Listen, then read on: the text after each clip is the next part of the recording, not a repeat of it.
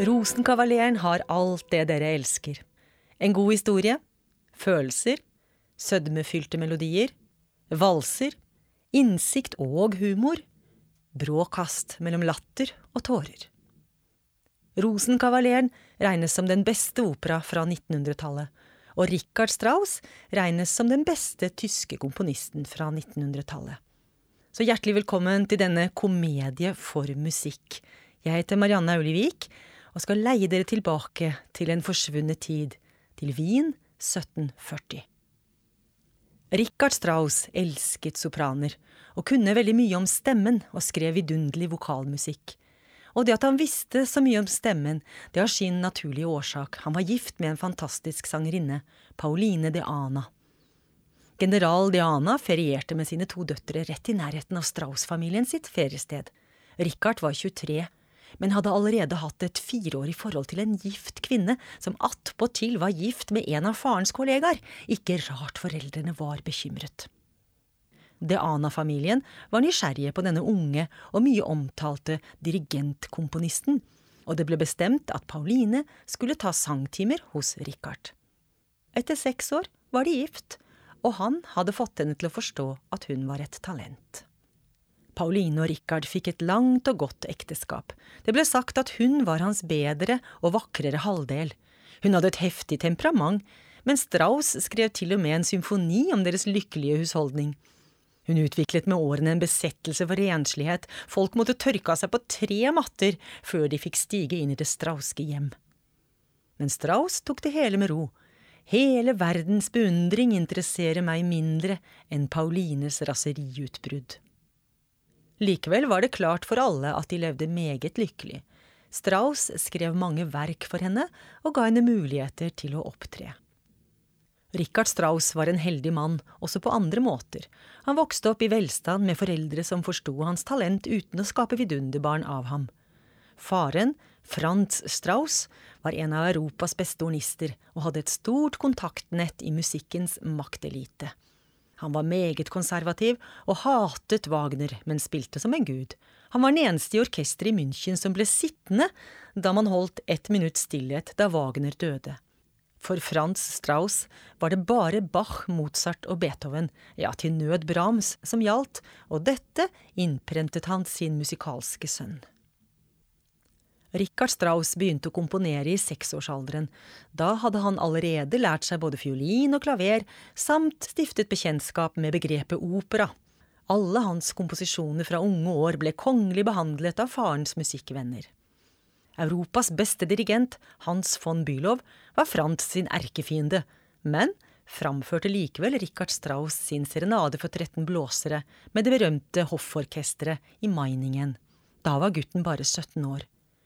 Pappa Strauss var meget stolt, men Bylov skrek til ham, Dette har jeg gjort fordi din sønn har talent, ikke for deg. Noen år senere kom Bylov med Meiningen-orkesteret til München, der Straussene bodde, og 21 år gammel fikk unge Richard overta dirigentpinnen for den berømte Bylov. Strauss var uøvet, hadde ingen prøver, men viste så store evner som dirigent at han ble Bülows assistent og vikar i Meiningen følgende vinter. Von Bülow var en magisk dirigent, og det å få være i nærheten og studere ham gjorde et uutslettelig inntrykk på unge Strauss.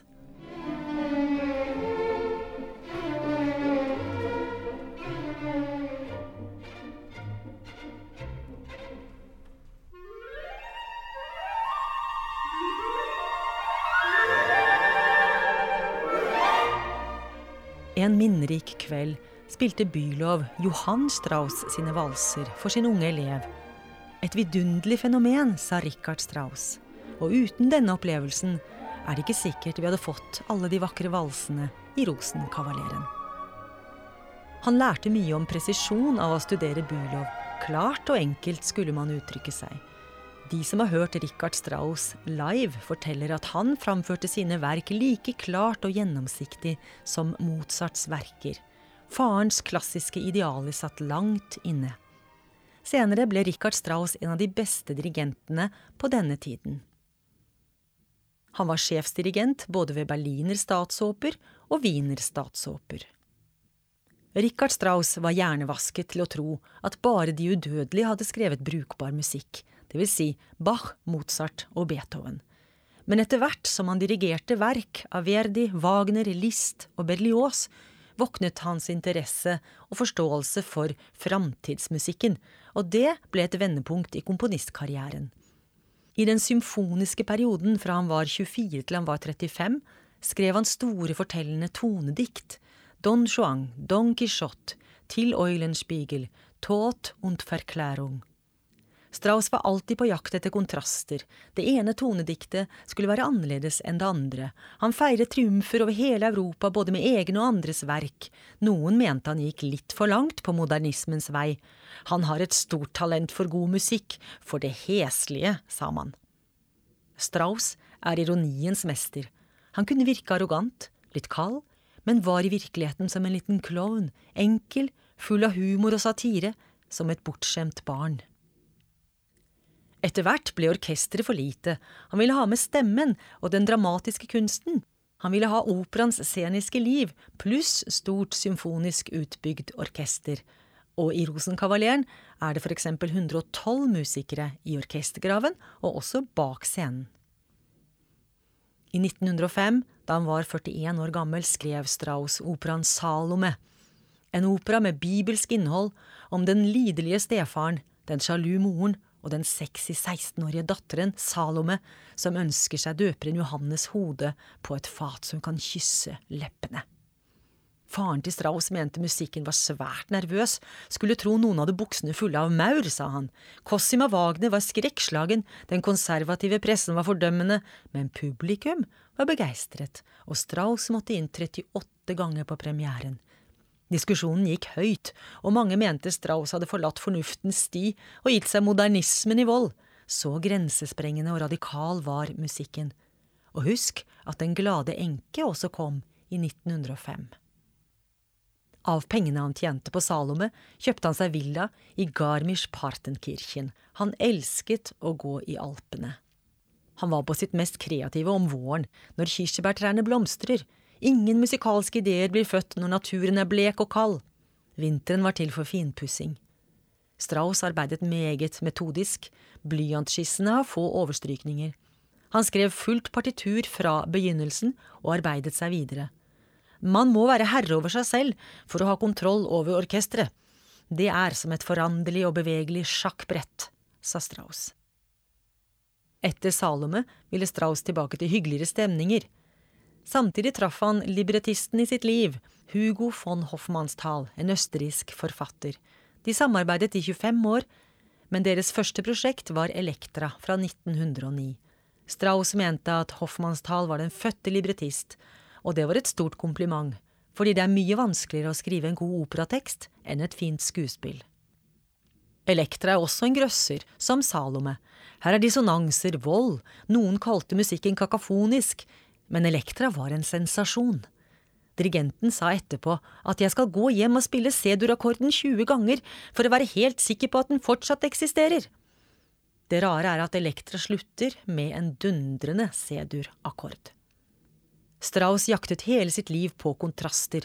Etter Salome og Elektra ville han skrive en slags Mozart-opera, og helst en komedie, kanskje 1900-tallets Figaros bryllup? Plutselig hadde Hoffmanns Tal en idé.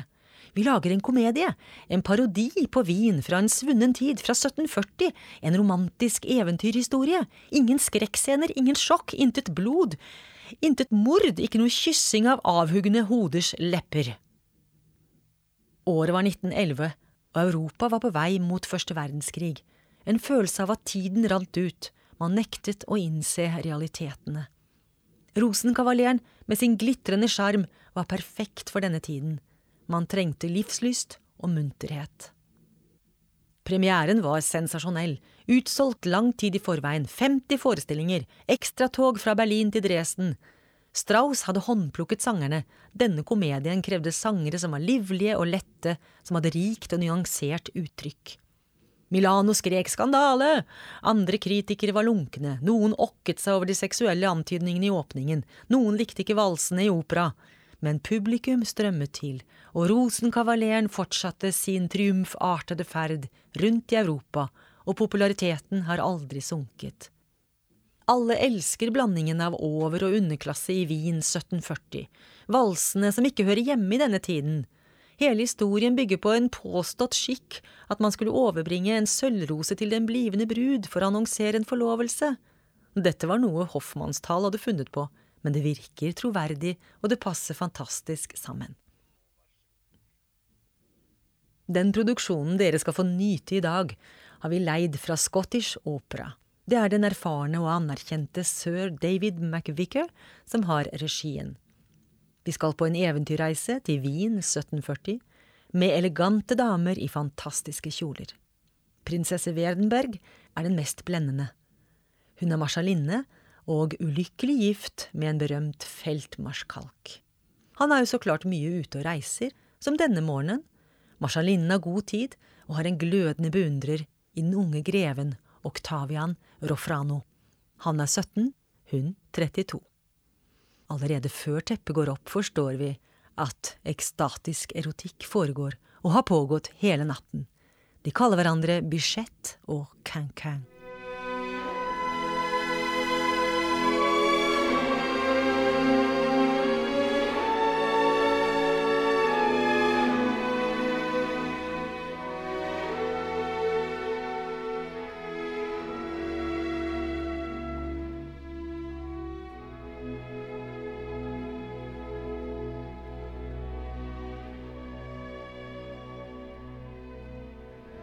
Plutselig høres høylytt diskusjon utenifra.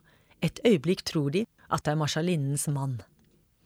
Oktavian finner det best å kle seg ut og framstår som kammerjomfru Mariandel. Nå kommer ropene nærmere og nærmere, kjapt pakker han sine egne klær i noen sengeklær, og han krasjer i døra med baron von Ox av Lerchenau, selvhøytidelig og sexgal, adelig, men fattig. Han tror selv at han er en riktig don Juan og er 35 år gammel. Ox skal gifte seg med Sofie Faninal, 15 år, og datter til en av Wiens rikeste menn. Ox forklarer at han trenger en adelig person til å overbringe sølvrosen til Sofie, og han ber marsjalinnen om hjelp. Samtidig betrakter han Mariandel lystbetont. Hun prøver å komme unna hans tilnærmelser, og marsjalinnen morer seg. Marsjalinnen tar fram en medaljong og foreslår at Ox skal bruke Octavian Rofrano som rosenkavaler. Ox synes at denne Mariandel er meget lik Octavian, og det er jo Octavian som har kledd seg ut. Og så tenker han at gamle Rofrano muligens hadde flere ukjente affærer. Han var nok ikke småspist, tenker Ox. En brokete forsamling slipper inn til audiens og søker støtte hos marsjalinnen. Tre fattige piker, en modist med hatter en dyrehandler med levende hund, mens marsjalinnen blir frisert, synger en sanger vakkert.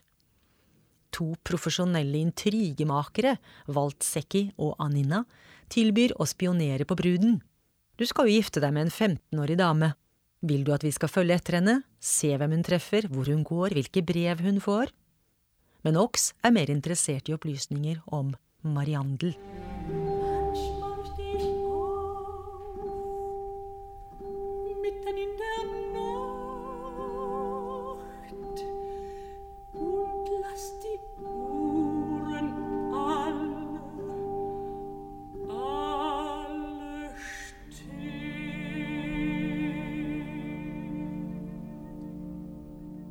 Marshalinnen blir alene, og vemodet griper henne.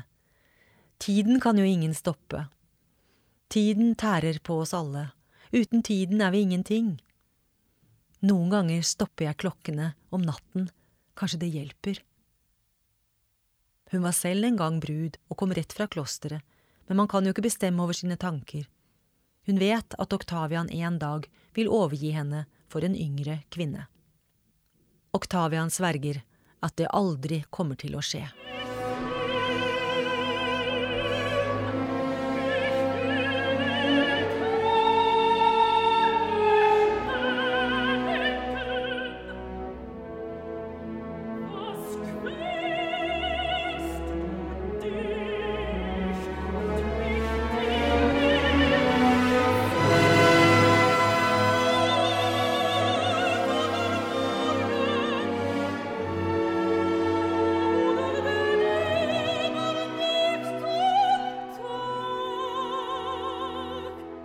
I annen akt befinner vi oss i herr Faninals nye palass. Faninal er en nyrik oppkomling. Han er nylig adlet, men han har jobbet hardt for formuen sin. Han har fått bygget et hus av Wiens dyreste arkitekt. Han har flotte vogner, han har masse tjenere, og de er pent kledde.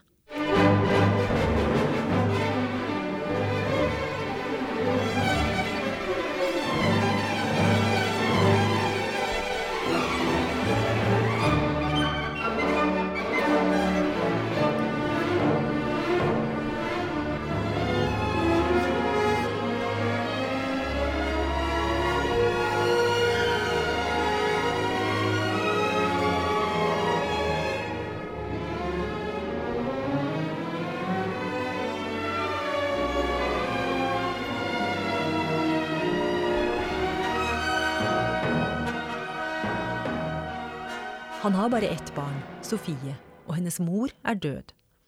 Nå er han godt fornøyd med å gifte henne bort til Ox. Sofie venter forventningsfullt med sin duenna, Marianne, som er anstanden hennes.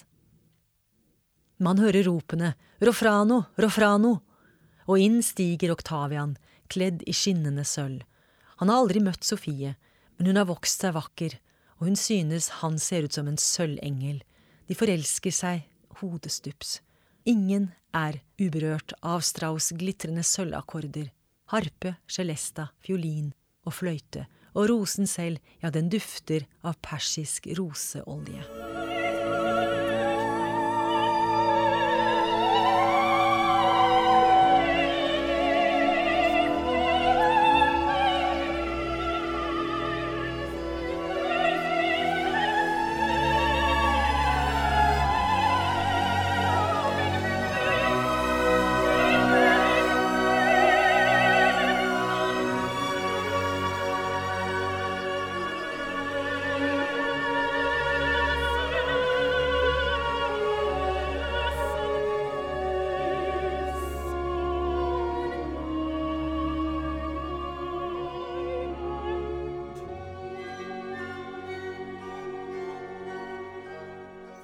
Den pompøse brudgommen kommer med Faninal, Sofies far.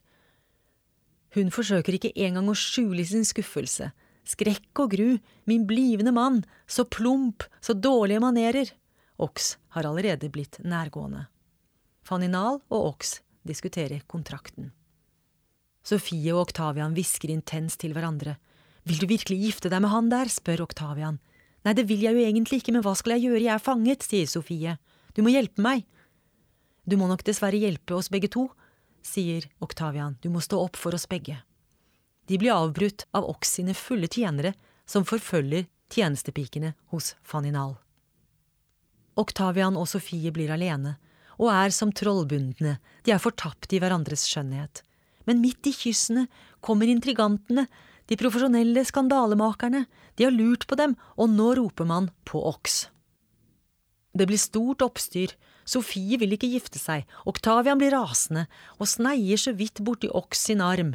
Ox tror seg dødelig såret. Mord! Morder!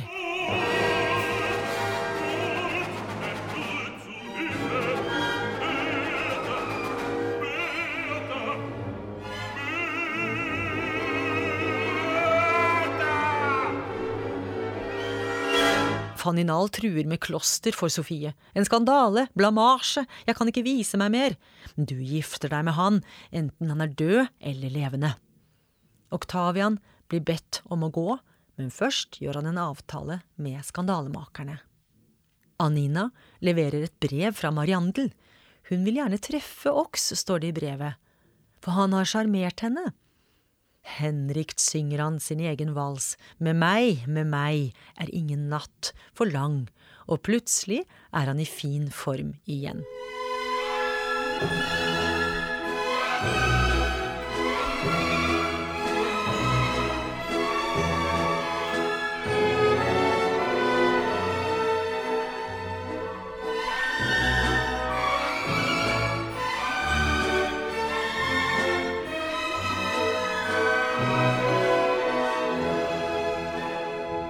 Tredje akt er vi på et vertshus, i et atskilt rom som Oktavian har bestilt. og det blir gjort forberedelser, det blir laget en felle for Ox. Han skal dumme seg sånn ut at Faninal må gi opp giftermålet mellom Ox og Sofie.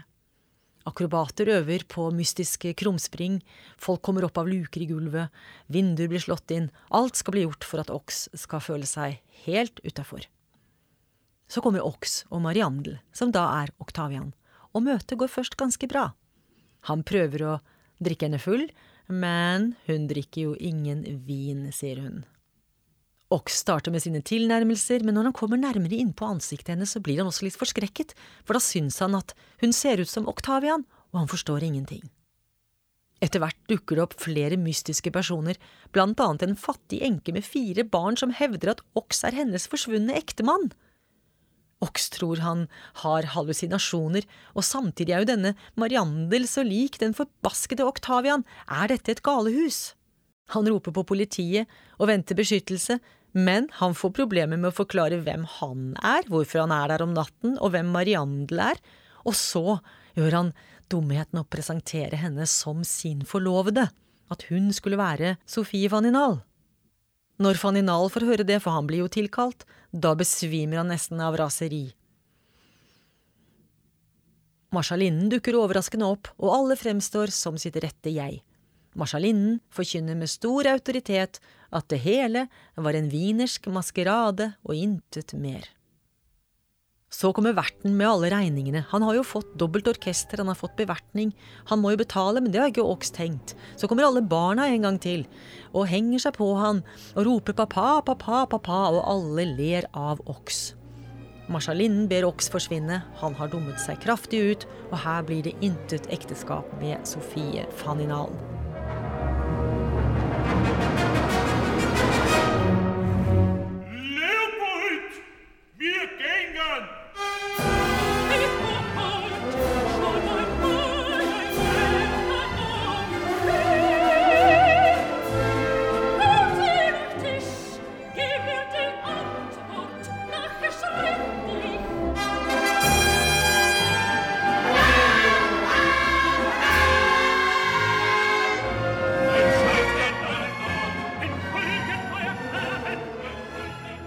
Marshalinnen innser at timen kom fortere enn hun trodde, at hun i kjærlighet skulle si fra seg Oktavian. Hun tilbyr Faninal skyss, og det er nok stort for ham. De to unge avslutter med en enkel duett i folketone. Strauss ville ha avslutningen stille. Richard Strauss levde fra 1864 til 1949, det vil si, han levde samtidig med så ulike komponister som Puccini, Debussy og Stravinskij. Han ble både Wagner og Liszt sin etterfølger. Han gjennomlevde to verdenskriger og hadde store problemer under den siste. Han var helt uinteressert i politikk, og var nok ikke alene om sin ubekymrede optimisme og naivitet. Alle trodde bedre om menneskene. Dette skulle koste ham dyrt. Han ble ansett for å yte service for nazistene. Men alt den gamle mannen ville, han var 75 år gammel, var jo å arbeide med musikk. Han hadde på denne tiden dessuten jødisk librettist, Stefan Zweig, og jødisk svigerdatter, og dermed halvt jødiske barnebarn. Han måtte være medgjørlig. De ble likevel forfulgt. Styrkemedisinen under denne vanskelige tiden var hardt arbeid, studier av Goethes verk for å overbevise seg selv om at tysk menneskelighet hadde eksistert. Da Tyskland led nederlag i 1945, marsjerte amerikanske soldater inn i hagen i Garmisch-Partenkirchen. Jeg er Rosenkavalerens komponist, la meg være! Men en av soldatene var solooboisten i Philadelphia-orkesteret, og de ble sittende i timer og diskutere Rosenkavaleren. Han ble denazifisert og skrev Vier letzte Lieder, urframført etter hans død av Kirsten Flagstad som en rørende finale fra graven, fra denne mannen som beholdt sin følelse for skjønnhet helt til slutten. God fornøyelse.